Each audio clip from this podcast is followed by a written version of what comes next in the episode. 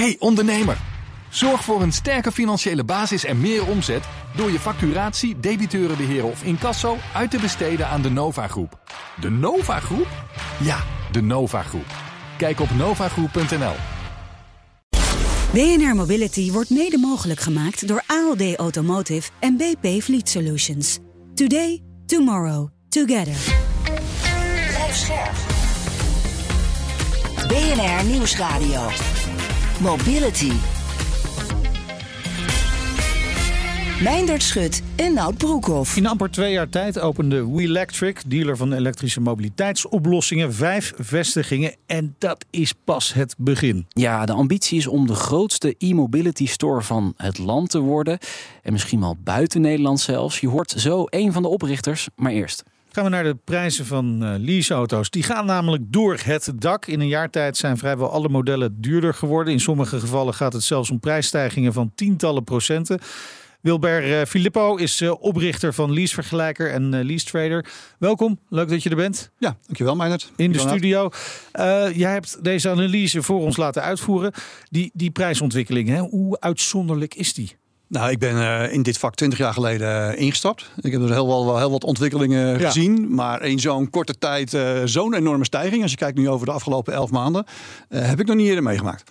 Nee. Dat is echt ongelooflijk dus. Ja, ja we ja. hebben ook echt te maken met een heel aantal factoren die die leaseprijs beïnvloeden. Die eigenlijk allemaal tegelijkertijd nu samenkomen als een soort perfect storm. En uh, ja, uh, goed, inflatie is natuurlijk sowieso al heel hoog. Uh, maar ja, bij auto's hakt het er wel echt flink in. Ja, want waar heb je precies naar gekeken? Heb, heb je ook voorbeelden? Ja, wat we gedaan hebben is, wat wij doen is, wij maken voor een aantal leasemaatschappijen maandelijks een analyse van, van leaseprijzen. We maken zo'n 4000 calculaties op leaseprijzen.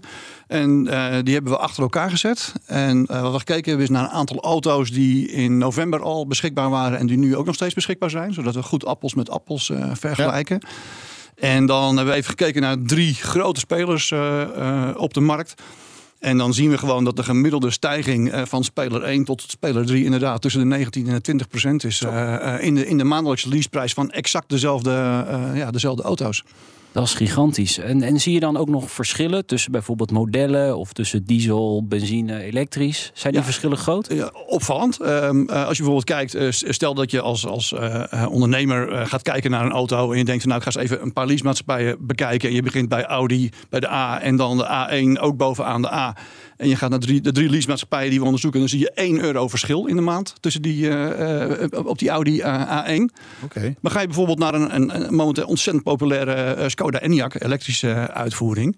Ja, dan zien we gewoon dat er een verschil in zit van 78 euro in de maand tussen leasemaatschappij A en leasemaatschappij B. En dat is op basis van een contract van 48 maanden.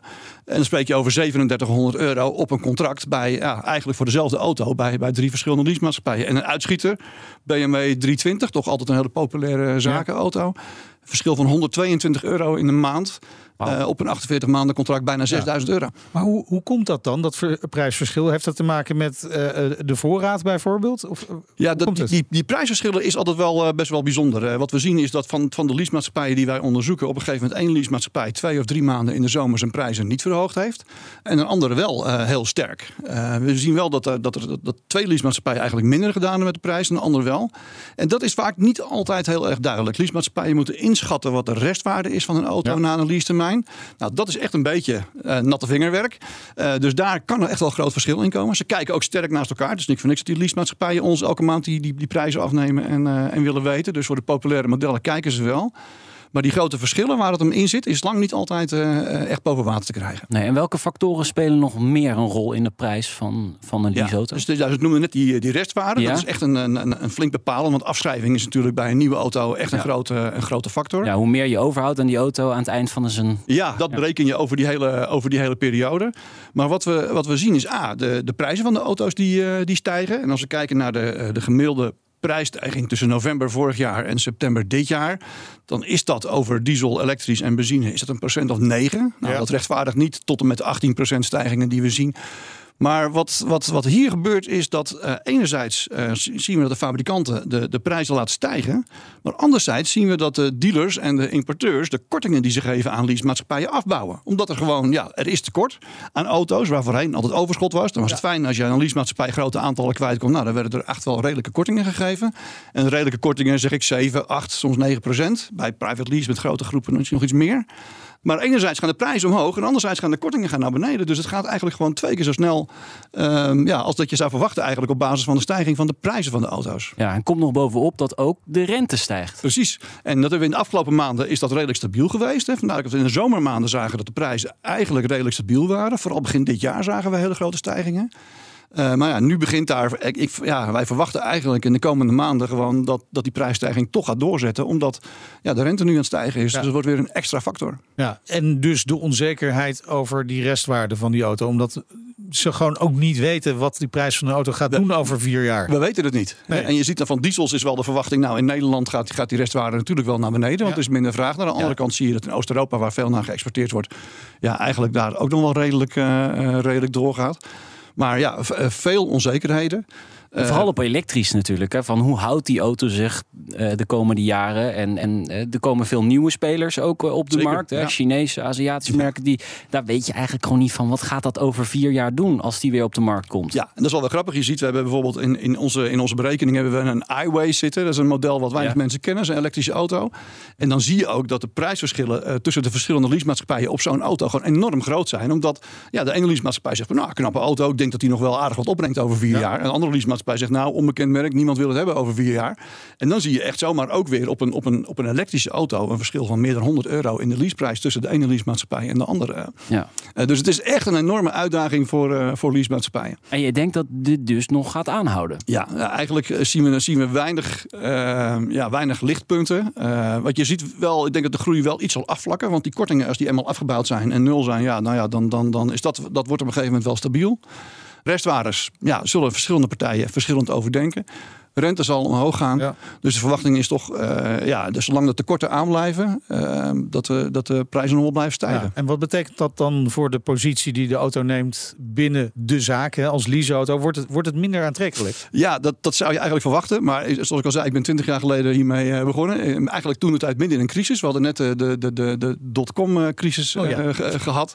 Eh, nou, we hebben de bankencrisis meegemaakt, wat heel veel effect had ook op, op, op rentes en, en financiën. En eigenlijk zie je dat lease al die jaren heen is blijven groeien. En die, die mobiliteitsbehoefte die blijft.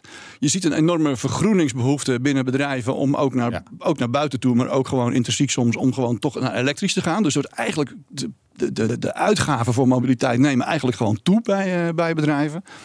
Private lease, dat de consument is iets gevoeliger voor, eh, voor prijsstijgingen en, eh, en contracten.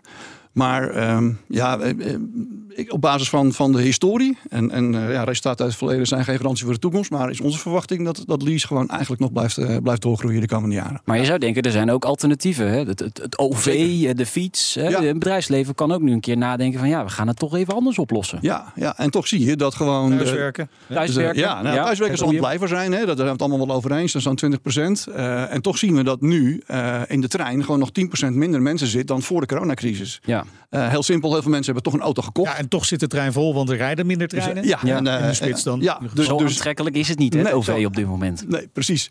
Dus in die zin, ehm, ja, onze heilige koe ehm, nou, blijft toch nog wel even heilige koe waarschijnlijk. Maar denk je ook dat het een, een, een- een, een lokkertje nog steeds is eh, voor bedrijven die personeel zoeken? Want dat is misschien het verschil met de dotcom-crisis. Ja. Hè, dat we nu een enorme krapte op de arbeidsmarkt hebben. Ja. Elk bedrijf schreeuwt om personeel ongeveer. Ja. dit is toch misschien een manier om eh, personeel binnen te halen. Ja, nou, we hebben natuurlijk inderdaad ook eerder, eerder gezien eh, toen er zoveel IT'ers nodig waren, het solliciteren in de, eh, in de showroom. Wat je wel ziet is dat bij de grotere bedrijven en de corporates, daar zie je echt structureel wel eh, het leasen wat afnemen. Ja, ja. Heeft te maken met, met rapportageregels. Dat voorheen was het off-balance. Als je operational lease had, hoefde je die, die, die investeringen in die auto's niet op je balans te hebben.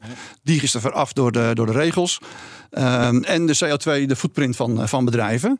Dus de verwachting is dat binnen grotere bedrijven en corporate, dus iedereen van overeen is dat, dat, dat daar eigenlijk per jaar wel een procent of vijf afneemt. Maar met name in het MKB, en ja, private lease heeft natuurlijk ook een enorme groei gekend. Maar met name in het MKB zie je eigenlijk dat maar voorheen ondernemers uit hun, uit hun werkkapitaal wel een auto financierden bijvoorbeeld eh, en, en, en kochten.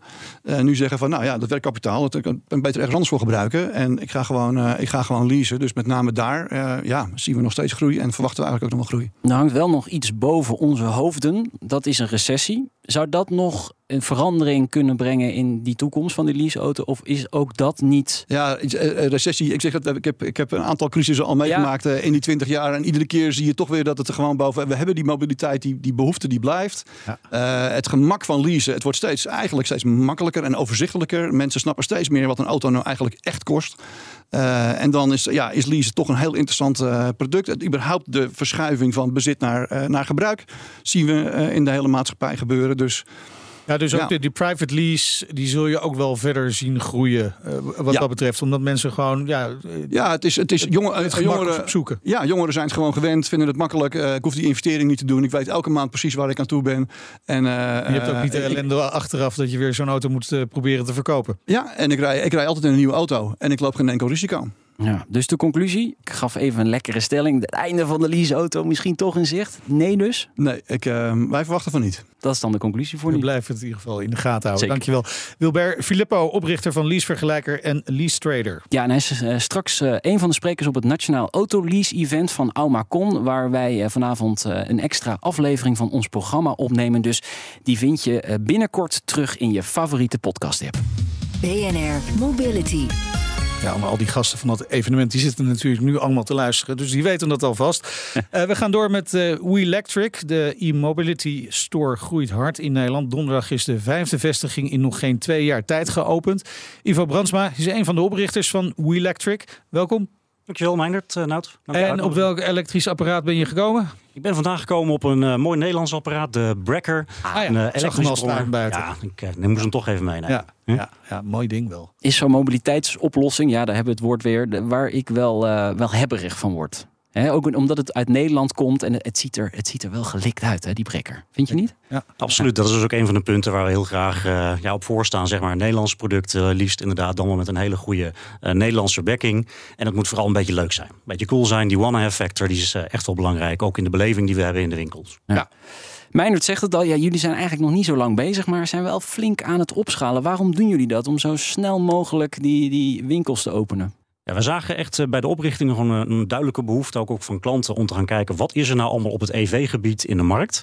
Er is best wel een versnipperd aanbod in de markt. Uh, EV was vroeger natuurlijk toch een klein beetje het uh, ja, muesli-idee. Uh, Prius, scheidwolsokken, ja. fietsen met een bagagedrager accu. Nou ja, daar. Struitjeslucht. Ja. ja, exact. Nou, daar. Um, we weten wel dat we allemaal die kant op gaan, maar dat is helemaal niet erg, want er zijn heel veel mooie producten en dat wilden we juist laten zien. Dat versnipperde aanbod samenbrengen in een winkel, toch weer weer een offsite, een offline winkel. Natuurlijk heb een online winkel. Mm -hmm. Maar juist die bricks en bytes die geloven heel erg in. Dat mensen in de winkel die ervaring willen hebben. En kunnen kijken, vergelijken en testrijden. Ja, maar alleen online biedt dat dan te weinig groeimogelijkheden? Uh, nee, op zich het is een hele belangrijke aanjager van lease juist vooruit voor naar de winkels. Maar we ja. merken nog steeds uh, dat mensen het belangrijk vinden om te kunnen proberen, vergelijken. En daarbij is serviceaspect ook gewoon heel erg belangrijk. Uh, dat je bij een deskundige iemand in de winkel komt die daadwerkelijk het onderhoud kan uitvoeren. Ja, en dat er ook daadwerkelijk service is. Absoluut. Ja, dat ja. merken we ook nog wel eens. Ja, zeker. Wat, wat verkopen jullie allemaal? We hebben het net over de, de brekker gehad. Maar wat, wat is er nog meer te vinden in jullie stores? Ja, nou, we positioneren, positioneren ons echt als een, een e-mobility store. We zijn geen fietsenwinkel, we zijn geen scooterwinkel, we zijn geen autodealer. Maar we hebben juist de hele breedte van het aanbod. We beginnen bij e-steps. We gaan naar uh, e-bikes, fatbikes, een uh, mooi interessante nieuwcategorie. Uh, bakfietsen, e-scooters, LEFs, oftewel light electric vehicles, ja. microcars. En sinds kort ook elektrische motoren. Ja, Zero. Ja, Zero Motorcycles, ja. fantastisch merk. echt de Tesla onder de motors. wat dat betreft is het een, een zeer mooie aanvulling op ons gamma. Ik vind altijd zo'n zo'n zo'n elektrische motor, als je daarop gaat zitten en, en vol op, op het stroom gaat, zullen we maar ja. zeggen. Dan gaat het wel eh, af volgens mij. Maar ja, ik heb geen motorrijbewijs, dus ik kan het niet uittesten, helaas. Altijd nood. Ja, Ja, ja, nee. misschien op afgesloten terrein een keer. Ja. Sst, niet hard, eh, Kijk, niet hard. Eh, waar is op dit moment het meeste vraag naar? De meeste vraag wat we momenteel zien, we hebben natuurlijk de zomerperiode gehad. En in Nederland, fietsland, is een belangrijk iets. Dat we verkopen echt veel e-bikes. Als je even gaat kijken naar de markt. Afgelopen jaar was het eerste jaar dat er meer e-bikes verkocht werden dan normale fietsen. Best wel een historisch punt, denken we. En daar merken we echt dat mensen die voorheen het echt als een voertuig voor ouderen zagen, dat eigenlijk eh, hele, hele gemeenschappen eigenlijk op de, op de fiets stappen. Oké. En daar is ook van iedereen van aanbod. Ja, eh, het is misschien mijn beperkte randstedelijke blik dan dat ik dacht dat je zou zeggen fatbikes, want ik zie die dingen echt overal. En snel. En ze gaan En ze snel. gaan- Ze gaan ze- heel snel. En ze Ja. zijn lui. Ja, Ach, er wordt zo langzaam. Die, die, Ja, ze liggen echt gaan, ja, ze lachen, liggen een beetje. Ja, Ja, het is echt, eh, nou niet een modeverschijnsel. hooguit het is echt wel, vorm eh, van jaloezie hoor. Hier, eh, maar, Nou, we kunnen daar iets voor regelen, Reinhard, geen probleem. Nee, fatbike zeker een nieuwe categorie, interessant. Ook daarin zie je best wel weer wat onderscheid. Inderdaad, ja, het luie fietsen kan daar ook prima mee. Maar juist ook krijgen wij steeds meer vragen van mensen... ja, ik wil toch ook wel weer graag fietsen, Ja, maar dan met een stukje ondersteuning. Ja. Een van de grote voordelen van de fatbike is toch wel... dat je er vaak met z'n tweeën heel goed op kan zitten. Eh, en dat het ook echt een goede vervanger is van een snorfiets... die natuurlijk per 1 januari met een helm helmplicht verplicht is. Ja, krijgt. Ja. ja. precies. Dus dat is een goed alternatief voor Zeker veel een mensen. goed alternatief. Ja. En dat we dus in onze winkel weer samenbrengen in een heel breed aanbod. Dat je niet eentje hebt, maar dat je er echt vier, vijf verschillende merken kan vergelijken. Zodat je voor jou de juiste keuze maakt. Ja, en voor jullie belangrijk om ook te kunnen leveren. Hoe zit het met de levering Ja, en de over leveringsproblemen? Ja. Moet je soms eh, wel een jaar op wachten voordat je hem eh, binnen hebt. Hoe zit dat bij jullie? Klopt. Ja, we hebben een aantal voorbeelden waar de levering af en toe wat moeilijker kan zijn. Echter eh, leveren wij bijna eigenlijk standaard uit voorraad. Eh, dat is een wel een van de belangrijke items die we hebben. Eh, kijken, beslissen en dan ook liefst gelijk wegrijden. Eh, met eventueel alle accessoires, verzekering, stuk service, onderhoudscontracten. Een lekker je Eh, oude barrel achterlaten. Ja, dat zou inderdaad goed kunnen. Het Ja. natuurlijk wel op de balans. Als je, je moet doen, ja, investeren steeds in een, in een grote voorraad, kan ik me Ja, voorstellen. Klopt, Ja. inderdaad. Kijk, het openen van winkels, het aanhouden van voorraad, het aantrekken van, van, van personeel. Eh, ja, voor elke start-up zal het bekend klinken dat kapitaal al een hele belangrijk iets is. Eh, we hebben gelukkig een, eh, ja, een hele sterke partner achter ons staan eh, in de vorm van eh, Bloom Adventures. Een partij die alleen maar investeert in duurzame mobiliteit. Waar we een hele goede partner aan hebben. We kunnen goed blijven ondernemen. We hebben heel veel ervaring in de branche zelf. Eh, daarmee kunnen we ook eh, ons imago van de ja, deskundige partijen goed ondersteunen. Ja, het- het is- je moet wel onder een steen liggen, wil je niet doorhebben dat elektrisch vervoer populair is, hè, al Nee. die vormen. Maar je begon ook met te zeggen dat jullie elektrische steps verkopen. Klopt. Maar die dingen mogen helemaal niet de weg op, wist je dat wel? Dat klopt. Ja, Ja. Mogen, dat geven we ook bij elke verkoop eh, gaan. We hebben overigens wel de enige legale step van Nederland ook. eh, Waarbij je een step hebt met stepondersteuning. Inderdaad, waarbij je dus elke vijf seconden nog een keer een trap moet geven. eh, Oh. waardoor je dan doorgaat. En daarmee is die gelijk aan een e-bike. Dus niet die ene met het zadeltje. Nee, is niet Nee, één met oké, zadeltje inderdaad. Eh, ja, dat ziet er toch wat gekker uit inderdaad. Met Eh, die- met die loopband, dat je moet lopen erop. ja, dat eh, is ook nog een fiets van inderdaad. Die gaan we niet doen. Nee.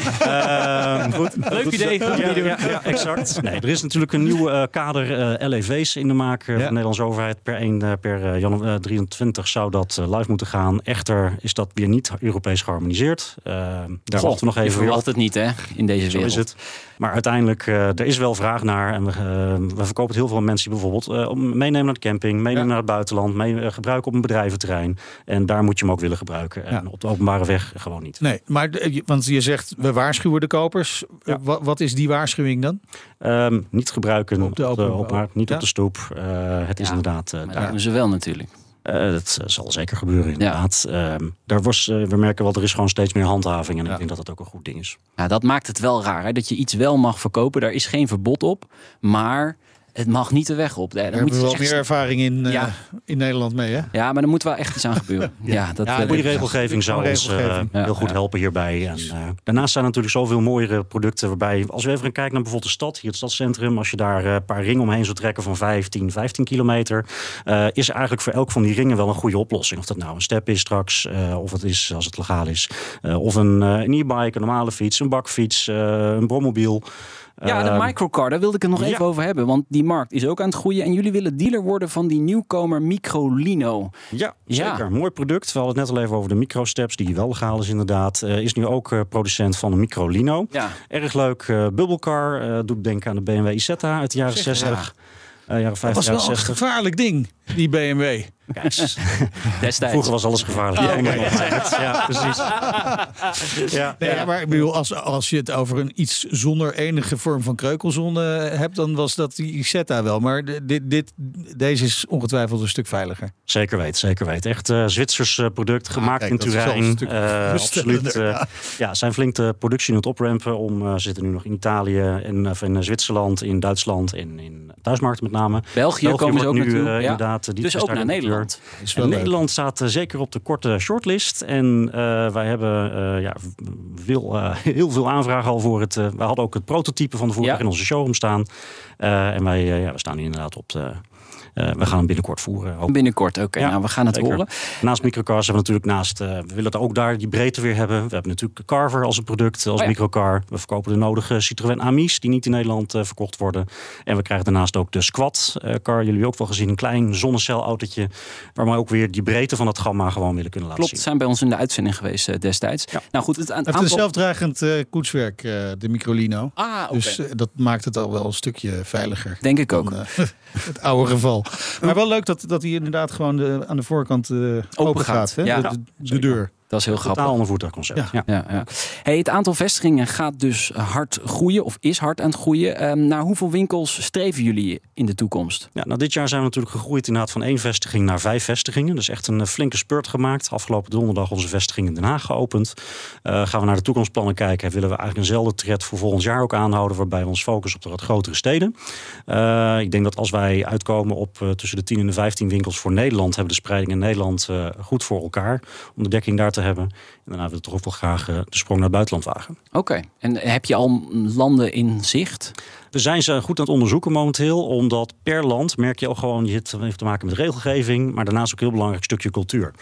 Voorbeeldje bakfietsen. Eh, Nederland is de tweewielbakfiets heel erg eh, populair. Eh, ga je naar het buitenland kijken. in, in Frankrijk bijvoorbeeld heb je de longtailfiets, waar je de kinderen weer achterop hebt. Driewielers zijn in andere landen weer populair.